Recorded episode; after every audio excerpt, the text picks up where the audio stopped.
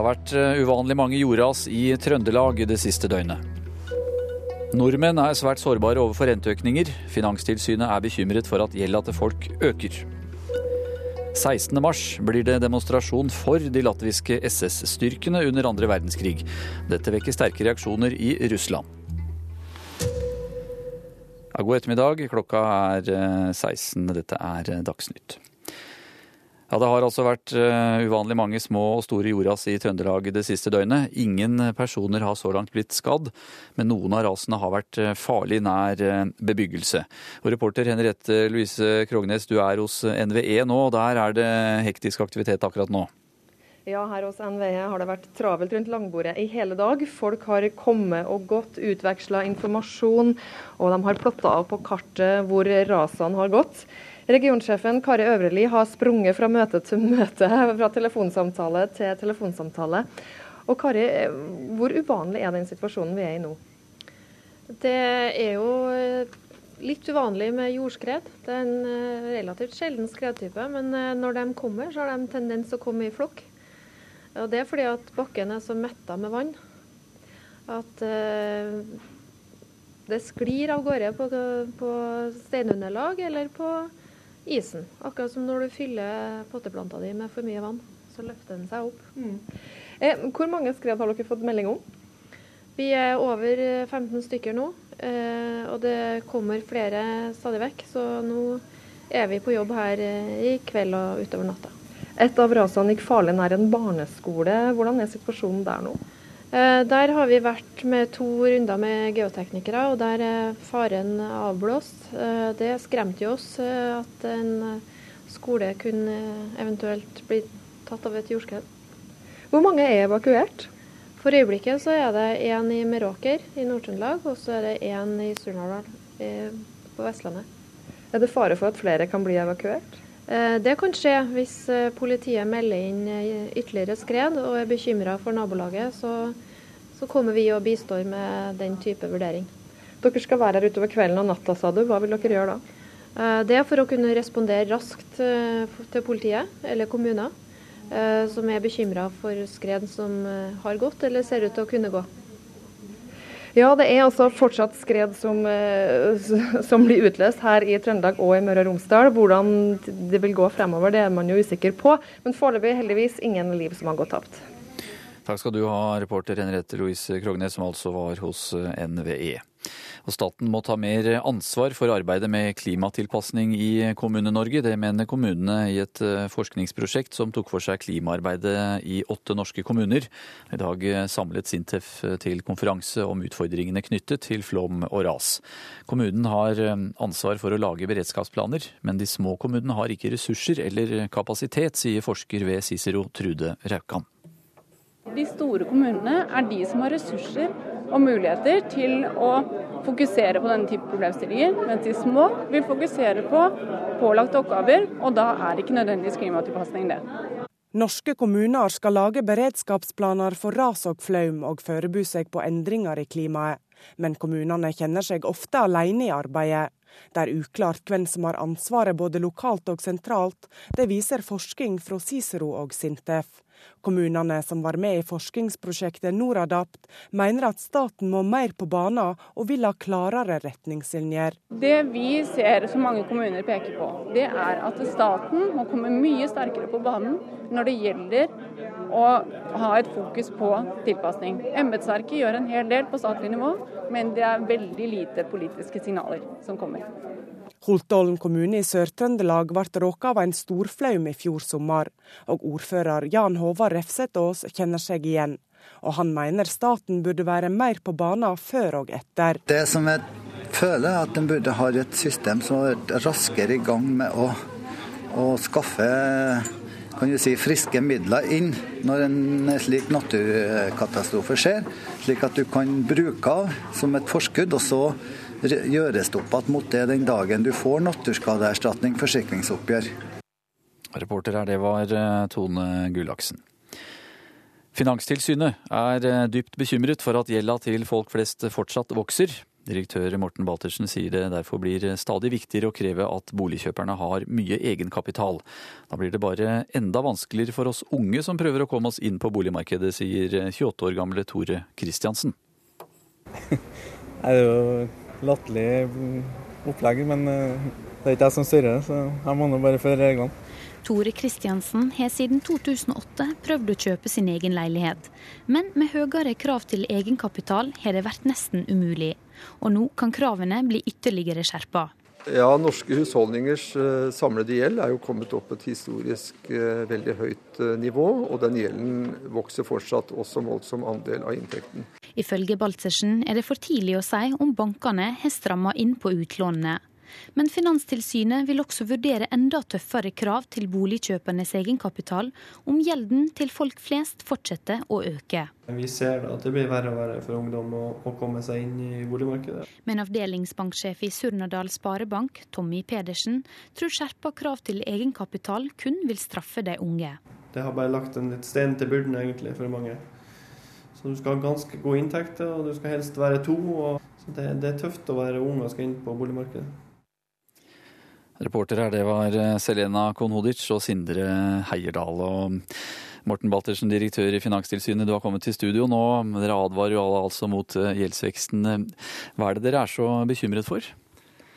Når husholdningenes gjeld er kommet opp på et veldig høyt nivå og fortsatt eh, øker, og vi også vet at det er mange som har svært mye gjeld innenfor denne husholdningssektoren, så er det en økende risiko for at mange enkeltpersoner skal komme ut i et utføre ved tap av inntekt eller ved renteøkning.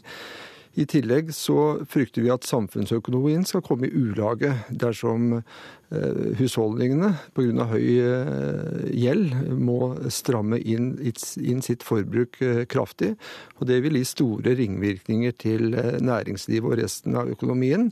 Og det opplevde de bl.a. på slutten av 80-tallet og begynnelsen av 90-tallet. Ja, Hvor mange flere vil få det tøft med å betale lån dersom renta går opp? Ja, Vi har uh, søkt, prøvd å beregne eh, hvor mange som vil måtte betale mer enn 20 av inntekten sin i, i renteutgifter. Eh, og i dagens situasjon så er det om lag 170 000 husholdninger som gjør det med dagens rentenivå. Og med en renteøkning på Eh, rundt 2 prosentpoeng eh, gjennom de neste to årene, så vil dette antallet komme opp i 450 000. Altså nesten hver femte norske husholdning. Nå vil mange av disse klare dette godt. De aller fleste vil klare det godt. Men enkelte vil ikke klare det, og for dem så vil dette by på store problemer. I tillegg så vil samfunnsøkonomien merke dette ved at husholdningene eh, må stramme inn sine kjøp av varer og tjenester. Og næringslivet vil da gå dårligere, og bankene vil få økte tap på næringslån. Ja, Vi hørte en eh, ung mann her eh, i sted. Han er kanskje i eh, faresonen. Unge mennesker? Når eh, boligprisene er kommet opp på et rekordhøyt nivå og fortsatt øker, og husholdningsgjelden er kommet opp på et rekordhøyt nivå og fortsatt øker, så er det en betydelig fallhøyde. Og disse eh, prisstigningene vi nå, takten vi nå har kommet opp i, og gjeldsøkningstakten er kommet opp i, er ikke bærekraftig. Og, jo lenger dette varer, jo større blir eh, fallhøyden. Eh, og det betyr også at mange enkeltpersoner også løper en risiko for sin personlige økonomi, i tillegg til at det skaper utfordringer for hele samfunnets økonomi. Takk skal du ha, direktør i Finanstilsynet altså, Morten Baltersen. Da skal vi eh, utenriks eh, her i Dagsnytt, for eh, konflikten i Syria fortsetter å splitte Russland og Vesten. Syriske styrker vil ikke, lenge, lenge, vil ikke legge ned våpnene før opprørerne gjør det. Det sier Russlands utenriksminister Sergej Lavrov. Det er ingenting å si på kamplysten hos de syriske opprørerne. Gatene er gjort om til krigsskueplasser. Den skadde mann blir til slutt brakt i sikkerhet. Den syriske hæren rykker fram og lar seg ikke stoppe av utenlandsk press om å stilne våpnene.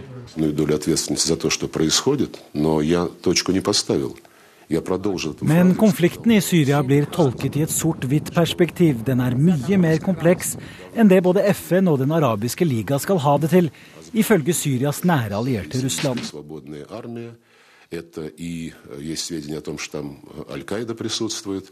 Konflikten i Syria splitter Vesten og Russland. I mellomtiden er det sivilbefolkningen som får lide. Det sa utenriksmedarbeider Øyvind Nyborg. 16. mars blir det demonstrasjon for de latviske SS-styrkene under andre verdenskrig. Og 28. februar så sa Latvias president Andris Bersins at nasjonen må bøye sine hoder for SS-innsatsen i kampen mot Josef Stalin. Det russiske utenriksdepartementet sier utspillet er uforenlig med hva en bør kunne vente fra en demokratisk stat.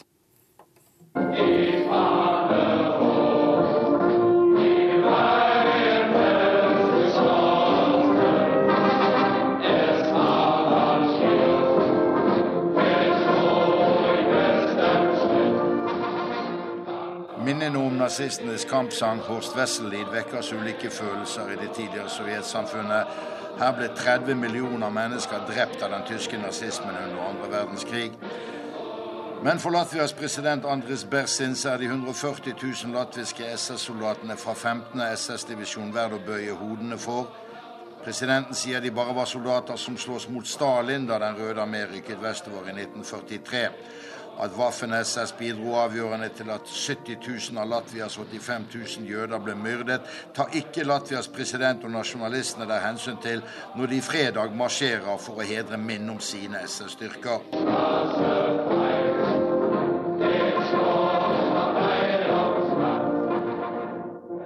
Den etniske latvieren Alvis godtar at SS-troppene fra Latvia var soldater, men sier dette til russisk fjernsyn nå.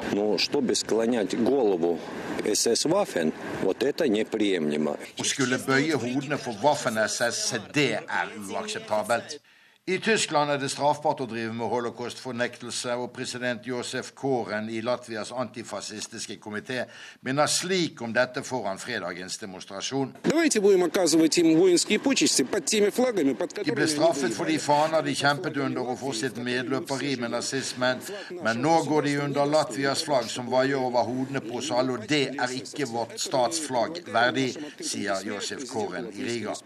Det russiske utenriksdepartementet har tatt meget sterkt avstand fra oppfordringen fra president Andres Persens i Latvia om at folk skal bøye hodene på fredag under den årlige SS-markeringen i Riga. Dette er ikke forenlig med det vi må kunne vente fra en demokratisk stat, heter det i uttalelsen fra russisk UD.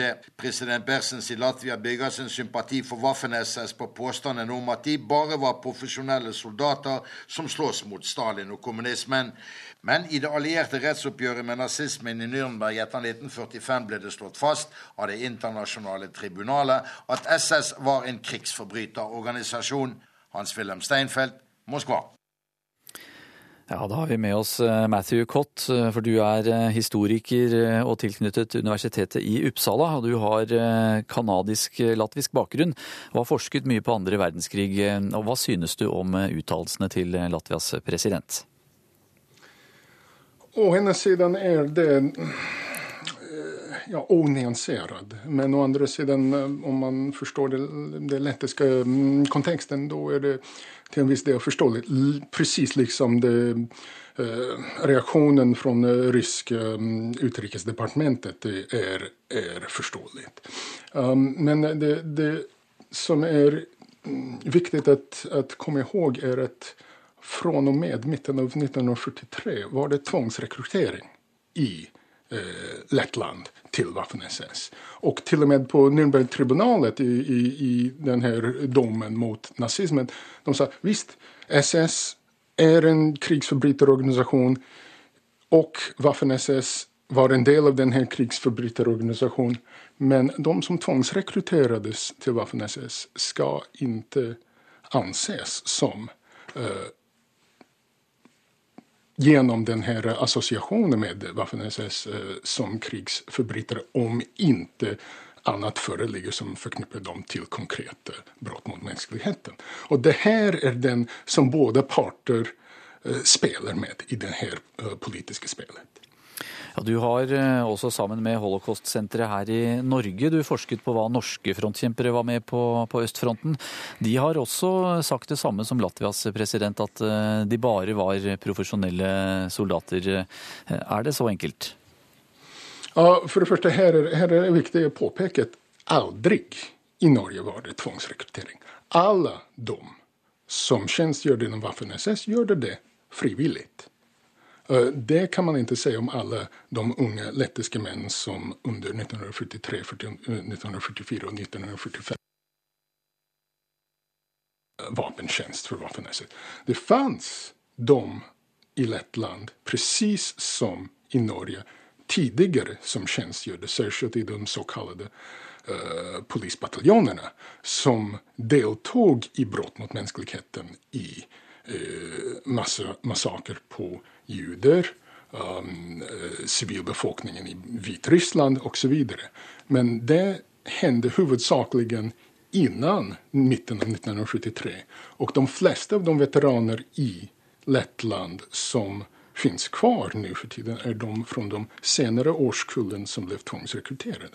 I Norge är det en helt annan position. I Lettland hade man en okkupasjon av landet fra sovjetisk sida. Så den propagandaen at man måtte gjøre den Europas gemensam kamp mot bolsjevismen hadde en annen klang i et land som hadde levd under Stalin, enn i et land som Norge, der var det bare Quisling-regimens egen propaganda som sier om vi ikke står og, og, og, kjemper mot det her bolsjevistiske hotet, det kommer å hende oss også. Da må jeg nesten avbryte deg der, Matthew Cott, eh, som altså er historiker og tilknyttet universitetet i eh, Uppsala.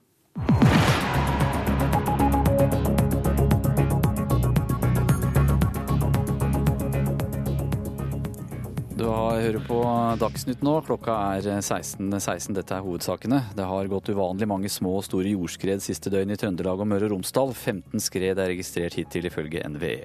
Og nordmenn låner penger som aldri før. Finanstilsynet er bekymret for at gjelda til folk eh, vokser. Da skal vi eh, høre at en 59 år gammel mann er varetektsfengslet i fire uker, siktet for eh, voldtekt av eh, ei jente i Bærum. Overgrepet skjedde sist torsdag. 59-åringen innrømmer å ha vært sammen med jenta, men nekter straffskyld. Politioverbetjent Ingeborg Skirbekk sier overgrepet skjedde i skoletiden. Vi fikk ei, melding om at det var ei 14 år gammel jente som i skoletida hadde blitt Eh, voldtatt av en eh, godt voksen mann eh, inne på skolens område i et lokale der. Dette skjedde mm, sist torsdag den, den 8. mars, i slutten av, av skoledagen.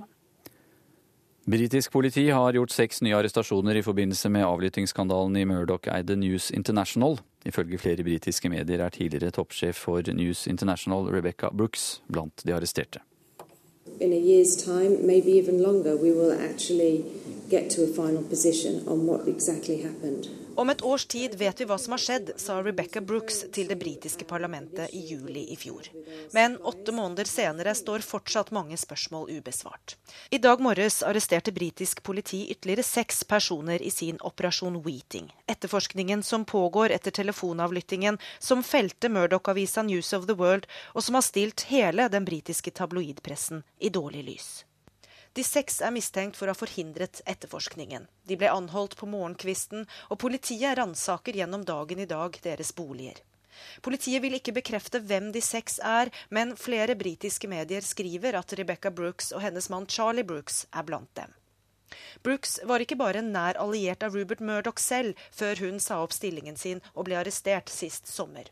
Hun er også en nær venn av statsminister David Cameron.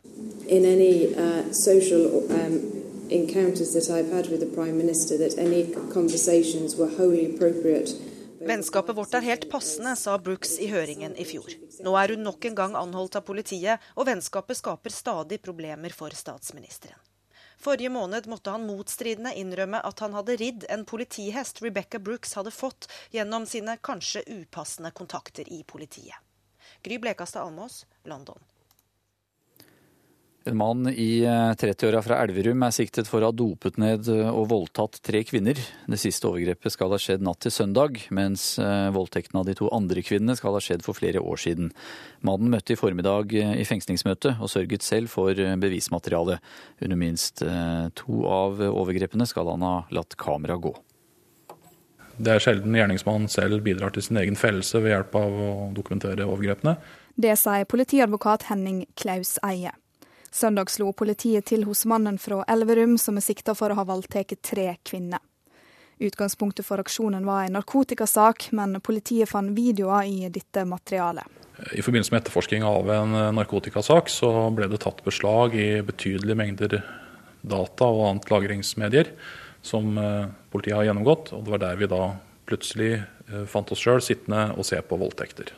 Trass i sterke bevis i saka nekta mannen straffskyld. Det sa hans forsvarer Steinar Thomassen. Nei, Han erkjenner ingen straffskyld i forhold til uh, siktelsen. Og Det han har forklart i forhold til den, det er det at når det gjelder de to første forholdene, altså der hvor det foreligger videobevis, så har han forklart at han på det tidspunktet var kjæreste med begge de fornærmede, og at dette var noe de gjorde mens de begge to inntok rusmidler. Politiadvokat Klaus Eie har bedt om fire ukers varetektsfengsling. Han utelukker ikke at det kan dukke opp flere voldtektsfilmer i det beslaglagte materialet. Vi kan ikke utelukke at det er flere fornærmede eller flere handlinger som er eh, straffbare. Det må gjennomgangen av databeslaget vise, og her har vi mange timer arbeid foran oss. Det er et eh, meget betydelig databeslag vi snakker om i denne saken. Reporter er det var Sara Myhren Kornberg. Hvordan er det mulig å være ung, miste førerkortet seks ganger, men eh, fortsatt ha lov til å kjøre bil? I en eh, ny P3-dokumentar forteller unge bilentusiaster om vill kjøring på vei og bane. Mannlige ferske sjåfører har ti ganger så høy risiko for å bli drept i trafikken som eldre, ifølge tall fra Transportøkonomisk institutt. 21 år gamle Emil gir seg ikke med grisekjøringa, selv om han har blitt tatt for råkjøring mange ganger. Jeg har um, mista den totalt seks ganger. Du har mista lappen seks ganger? Ja. Og hvor gammel er du? Jeg er 21, men det var jo da på løpet av halvannet år, tror jeg. Jeg har uh, vært litt flinkere nå i det siste. Nye taktikker. Ja, Så er det du har blitt flinkere på? Det ja, taktikk? Det er ikke det å slutte. Legge opp andre ruter osv. Det forteller 21 år gamle Emil i P3s radiodokumentar 'Politi og råner'. Her får man et innblikk i driftingmiljøet i Follo, der bilkjørerne driver med organisert råkjøring av den risikable sorten. Det skal gå fort, man skal ligge nære fjellveggen og gjerne mest mulig sidelengs i en sving. Slik presses grensene til det ytterste. Fytti helvete! Det er en følelse som er bedre, ja. Bedre enn noe annet. Men dette skjer ikke bare på avgrensede områder der utøverne bare utsetter seg selv og bilen for fare. I dokumentaren innrømmer de unge at de også bedriver risikosport blant vanlige trafikanter. Det er mye verre å leve med å ha drept noen enn å dø selv. Ja, Men du tar jo risken, da. Ja, det, man gjør jo det på én måte. Men jeg personlig øh, vet jeg kan stå for at jeg kjører aldri i f.eks. en sving. Et sted hvor det er uoversiktlig, så kjører ikke jeg i det andre feltet hvis det er Eller uansett. Det gjør jeg som en egentlig regel. Men det er klart det hender at det skeiner over der òg. Men ikke Man veit aldri hva som kan skje. Og det er nettopp disse utrykningspolitiet mener bør fjernes permanent fra trafikken. Til sammen mista 4654 personer førerkortet i fjor, og utrykningspolitiet tok 82 000 råkjørere. Det er en økning på 13% fra året før. UP-sjef Runar Karlsen sier de har en stor utfordring i å luke ut førere som setter andre i fare. Det er helt forkastelig. Det dreier seg om en, eh, iallfall i noen, noen steder, en eh, helt håpløs trafikksikkerhetskultur. Dårlige holdninger. Et overmot og mangel på eh, forståelse for risiko, mangel på forståelse og mangel på ferdigheter fordi de har også lite kjøreerfaring. Hvordan er det mulig at han fortsatt er på veien? Ja, Det er egentlig et, eh, et godt spørsmål. Det er eh, viktig å Eh, sørge for at personer som eh, tar en altfor høy risiko, ikke lenger er på veien for en kortere eller lengre periode. Fordi de representerer en høyrisikogruppe som forårsaker de mest alvorlige ulykkene. Organiserte driftingmiljøer i Norge mener aktivitetene som omtales i dokumentaren er farlige, og at det er viktig å skille mellom grisekjøring på vei og selve bilsportgrenen drifting. Unge i ulike råne- og gatebilmiljøer ønsker flere avgrensede områder hvor de kan dyrke interessen på en tryggere måte. Reportere her det var Anniken Sande og Ludvig Løkholm Levin. En eh, nervebetennelse skaper problemer for svømmehåpet Alexander Dale Oen, Maria Mikkelsen. Ja, Dale Oen innrømmer at skaden har satt ham tilbake. Nylig kom Norges gullhåp hjem fra undersøkelser i USA, og han satsa på svøm i OL. Men nervebetennelsen i skulderen er langt fra gunstig. Jeg vil ikke tenke på det å sette meg tilbake igjen, men det har jo i, i, realitetens øyne så har jeg absolutt gjort det. Det er jo ikke, en, det er ikke akkurat fordelaktig å ligge på eh, sofaen i to måneder. Alexander Dale Oen har hatt smerter i skulder og overarm i over to måneder. Nylig har han vært på undersøkelse i USA, og nervebetennelsen i skulderen gjør at han mest sannsynlig ikke deltar i EM i mai. Verdensmesteren på 100 meter bryst i 2011 satser derimot på å komme i form til OL. Finalen på 100 meter bryst går 29. juli. Vi har fått så stor tiltro at vi klarer også å holde i land dette her, og at vi greier å komme oss styrka videre herifra. Det som er clouet nå, det er at vi, vi, jobber gradvis og sikkert eh, opp igjen med trening. Og eh, vi tester ut det som vi kan gjøre og det som vi ikke kan gjøre. Vi må liksom finne grøftene først, og så får vi heller følge veien etter hvert. Reporter Olav Tråen. Et magevirus er årsaken til at Petter Northug står over verdenscupavslutninga i Sverige denne uka. Verdenscupsesongen er over, og skistjerna er skuffa, forteller landslagstrener Trond Nystad. Han syns det er stusslig at han ikke får gått skirenn, for det er det artigste han vet. Men uh, dessverre så er det bare sånn det, og da må man innfinne seg med realitetene. For mageviruset han har slitt med siden slutten av februar, har tidligere ført til at han måtte droppe både Vasaloppet og femmila i Holmenkollen.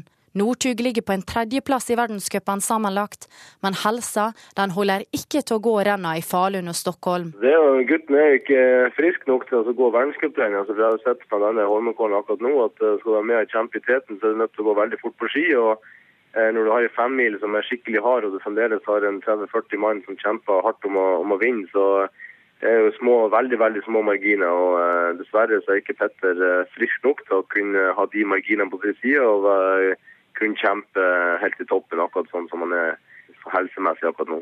Noe som også kan bety at NM kan stå i fare hvis ikke mageproblemer gir seg. Hvis kroppen reagerer positivt i tida fremover, så kommer han nok sannsynligvis til å slenge seg med i et eller annet turrenn et eller annet sånt, for han syns det er artig å gå på ski og synes det er artig å konkurrere. men eh, som sagt, da må kroppen først og fremst være mottakelig både mot trening og konkurranser.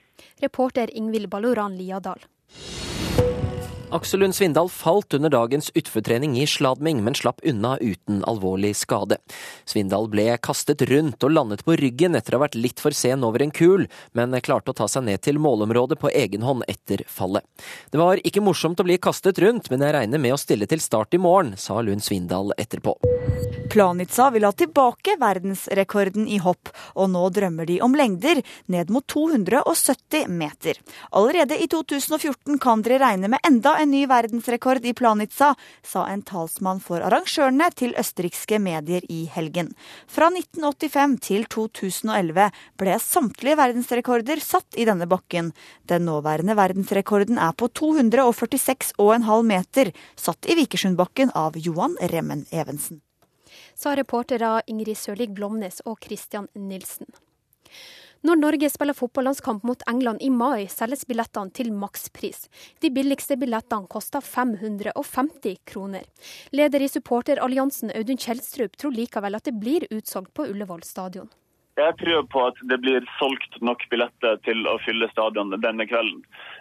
England er et attraktivt lag. Lederen av supporteralliansen skal selv se kampen på Ullevål stadion mellom Norge og England 26. mai.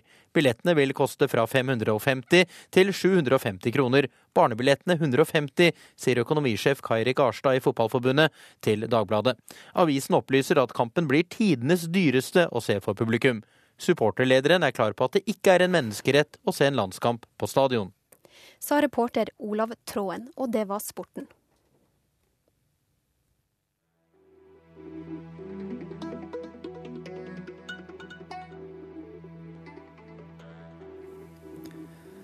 Klokka nærmer seg 16.30. Eh, Tar en liten oppsummering av hva du har hørt den siste halvtimen her i Dagsnytt. Jordskred har en tendens til å komme i flokk, det sier eh, NVE. 15 skred er registrert så langt eh, siste døgn. Finanstilsynet er bekymret over nordmenns gjeld, mener det blir stadig viktigere å kreve mye egenkapital. En 59 år gammel bærumsmann er varetektsfengslet for fire uker, siktet for voldtekt. Og konflikten i Syria fortsetter å splitte Vesten og Russland. Syriske styrker nekter å legge ned våpnene før opprørerne gjør det, sier Russlands utenriksminister. Erlend Rønneberg har ansvaret for Dagsnytt og denne ettermiddagen. Ingvild Ryssdal er produsent. Nå fortsetter Kulturnytt i P2, og så blir det flere andre nyheter i Alltid nyheter.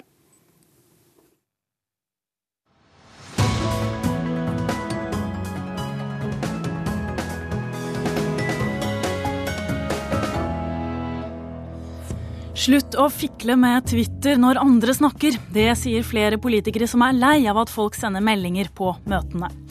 Folk på konsert i Kristiansand er blant de mest bråkete i landet. Musikerne sliter ofte med å få gjennomført. Og det ligger et enormt ansvar i å formulere andres sorg. Det sier Stian Bromark, forfatter av en ny bok om 22.07, som håper at de trivielle detaljene vil fylle ut bildet. Du hører på Kulturnytt i NRK P2. Jeg heter Pernille Amdal. Det er eh, mange politikere som bruker Twitter under eh, bystyremøter. Dette synes både ordføreren i Stavanger, Kristine Sagen Helgø, og Arbeiderpartiveteran Olav T. Låke at det må bli en slutt på. Han synes at oppmerksomheten bør rettes mot eh, den som står på talerstolen. Jeg vil be ordføreren understreke meget kraftig at det skal vi ikke ha noe av og at de som ser det, får rapportere til ordføreren, og at hun får ta vedkommende i nakkeskinnet. Takk. Det var beskjeden fra Arbeiderpartirepresentant i Stavanger, Olav T. Låke, til bystyret før saksbehandlinga starta i går. Låke mener det er respektløst av politikere å bruke sosiale medier som Twitter til å sende ut meldinger, samtidig som det blir holdt innlegg i bystyremøtene. Jeg mener at når folk er valgt inn i bystyret, så er det fordi de skal uh, høre på debatten, delta i debatten, og venter at de andre skal høre på hva de sier. Ellers er det ikke noe vits i å sitte her. NRK har snakka med ordførerne i de største byene, og de fleste synes så langt at den positive effekten ved bruk av Twitter overstyrer de negative sidene. Det er beskjeden fra Bergen, Trondheim og Oslo.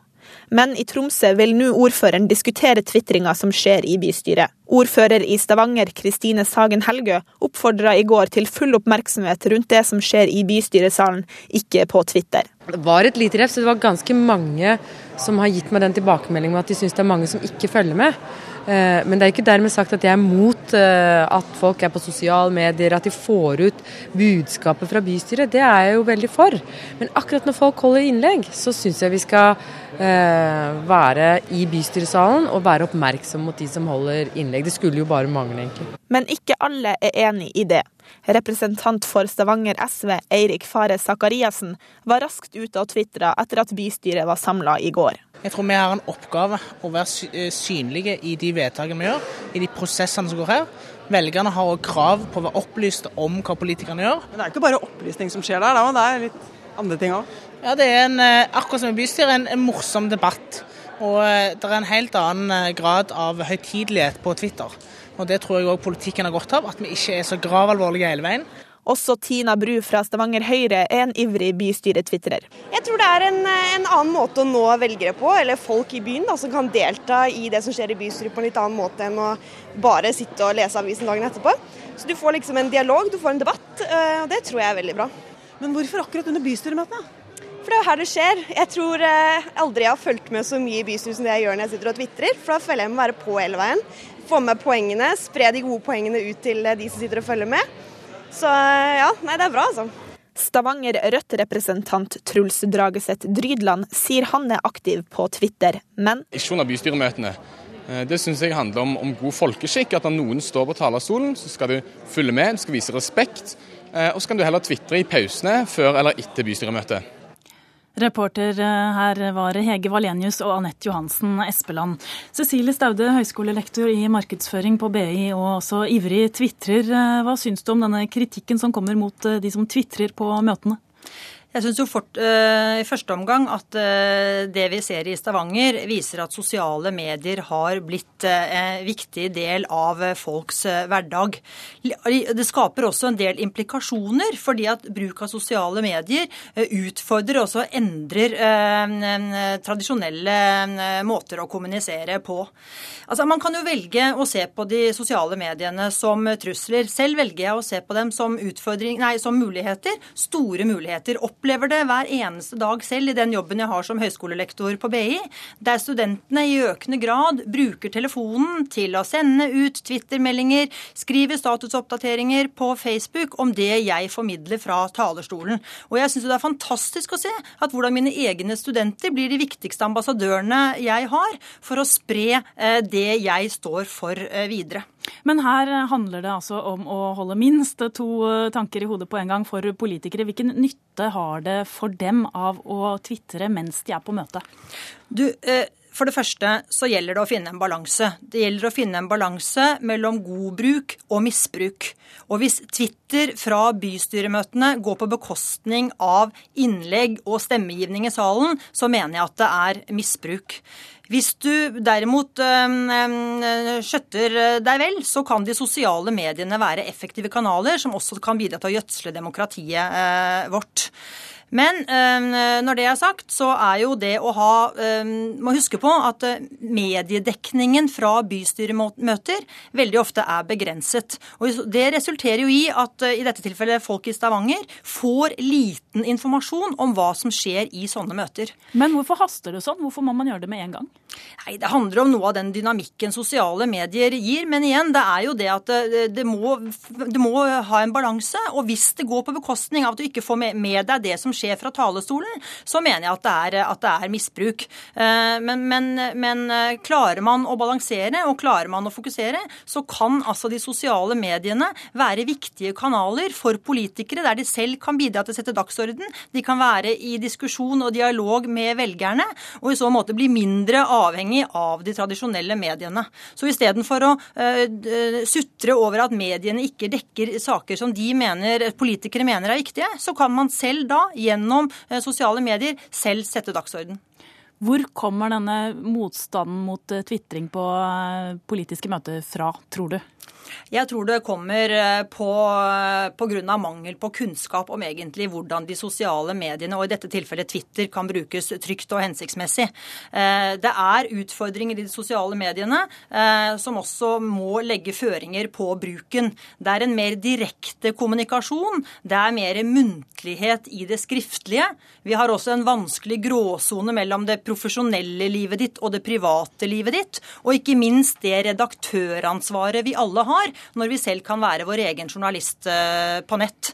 Så det handler om at det man skal sosiale medier brukes eh, for å mobilisere eh, for politikere, så må man være bevisst at det innholdet du ut, legger ut der, må oppleves relevant for følgerne. Det er da det kan brukes som en effektiv kommunikasjonskanal. For de som opplever det forstyrrende på et møte eller i en forsamling, går det nok kategorisere hva slags møter som, som kan ha nytte av å ha åpen for Twitter eller andre mm, mm, former for eh, kommunikasjon underveis? Man kan gjerne ønske seg eh, det, men jeg tror det er helt umulig. Jeg tror at eh, politikere som tvitrer, kommer, kommer, det til å bli flere av. Og man kan gjerne kalle tvitrende politikere i Stavanger for ubehøvlete politikere som ikke har peiling på skikk og bruk i det hele tatt. Men jeg tror historien kommer til å fortelle oss at det er nettopp disse politikerne, de som gikk foran, og de som utviklet politikk eh, i vår tid, i samarbeid med velgerne, det er de vi kommer til å huske. Takk skal du ha, Cecilie Staude, høyskolelektor fra BI.